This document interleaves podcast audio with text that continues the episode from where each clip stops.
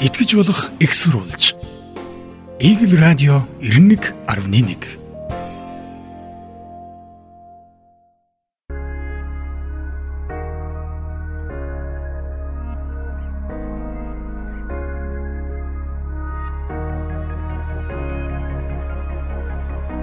Үндэсний таймстгүүлийн онцлог нийтлэлээс бүгдээрээ шүгэл үлээе. Хүн хэлхээс цаас чичгээс нашгсан хилцүүгээ. Тэгвэл энэ үг одоо төрийн албаа хаагчид шүүмжлэхээс нааш ажил хийхгүй. Шүгэл үлээхээс нааш засахгүй болж хуурсан болтой.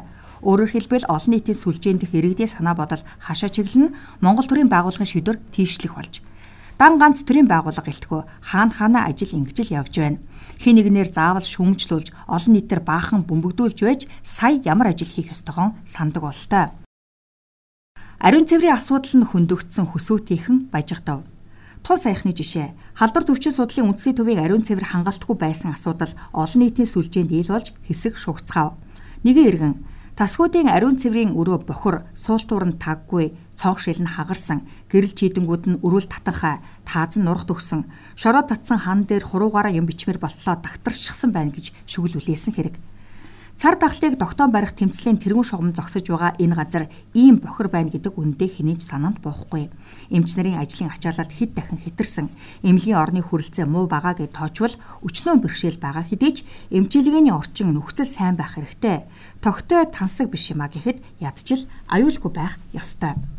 1986 онд ашиглалтанд орсон халдвар төвчин судлалын үндэсний төвийн барилга эд хэрэглэгдэхүүн илэгдэж хуучирч мууцсан байж болох ч засаж сайжруулж өнгөлөж тордож болох байсан. Үүнийгээ хөсөөдийнхэн нотлолоо. Учир нь уг асуудлыг хөндөж олон нийтийн сүлжээнд зураг нийтлэж нөхцөл байдал ямар байгааг илчилсэн өвчтний өрөөг өтөр түргэн засаж сэлбээд ямарч байсан урдны нөхцлөөс нь сайжруулж.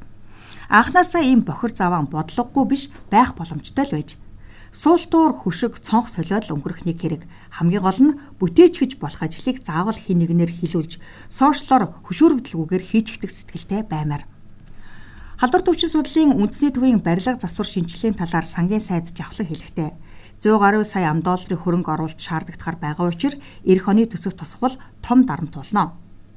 Тиймээс энэ асуудлыг гадны байгууллагуудын зээл тусламжаар нэг мөр дөрвтөр шийдэхээр ярилцаж судлаж байгаа.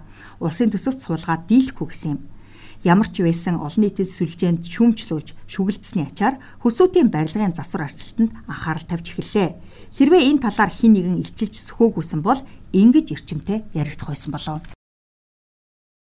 Төв талбайг тойруулсан чулуунууд 2019 оны 12 дугаар сард Сүхбаатарын талбай дээр 296 ширхэг жижиг 100 ширхэг том нийт 396 чулуун хаалт байрлуулж олонний нүдийг орой дээр нь гаргасан.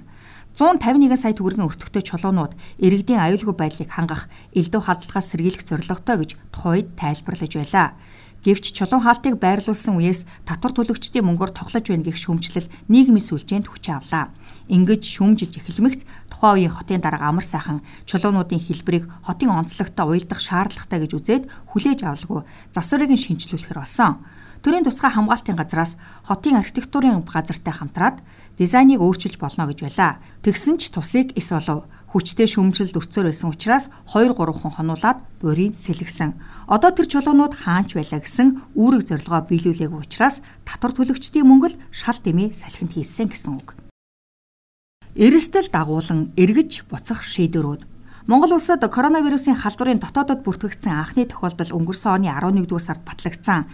Энэ цагаас эхлээд улс нийслэлийн онцгой комиссаас гарсан уялдаа муутай шийдвэрүүд иргэдийг бухимдуулж байлаа. Тухайлбал хөл хорой тогтоосон үед хувийн автомашинаараа хэрхэн зорчих вэ зэрэг зохион байгуулалтын асуудлууд маргаан дагуулж байсан. Сүүлдэл гэхэд улсын онцгой комисс 9 дугаар сарын 28-нд хуралдаж дельта хувилбарын тархалт өндөр байгаа учраас хоол үйлдвэрлэл үйлчилгээний газруудыг 2021 оны 11 дугаар сарын 1 хүртэл 22 цагаас хойш ажилуулахгүй байхаар шийдвэрлсэн. Гэвч олон нийтийн сүлжээнд аж ахуй нэгж иргэдийн эсэргүүцэлтэй тулгарсан учраас тухайн шийдвэр хэрэгжээгүй. Тухайн үед энэ шийдвэрийг танилцуулахдаа зүгээр л хилээд үзээгээд олон нийт яаж хүлээж авахыг нь тандсан болтой.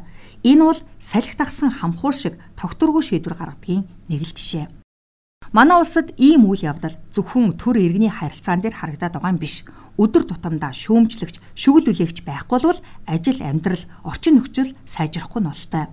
Наад зах нь амьдардаг орон сууцны хотхомд чинь гэрэлтүүлгийн нэг чийдэн асхаа болсон байвал хариуцсан байгууллага нь засах нь гэж хэсэг хүлээгээд бүр болохгүй бол байрны цахим хуудасд нийтлэж холбогдох хүмүүсээс засахыг шаардна. Үүн дээр олон оршин суугч сэтгэлэн илэрхийлнэ. Иний дараа л засаж янзлах тийшээ хандах болов.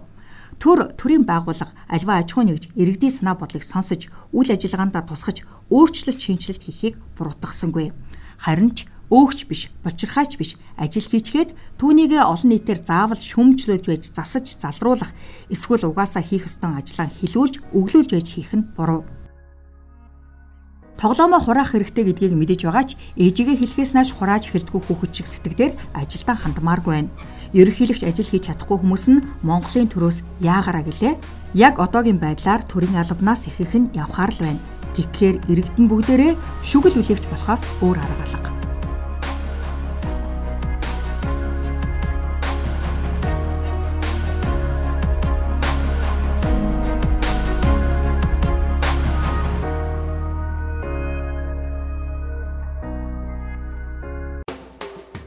Итгэж болох экссурулж. Игэл радио 91.1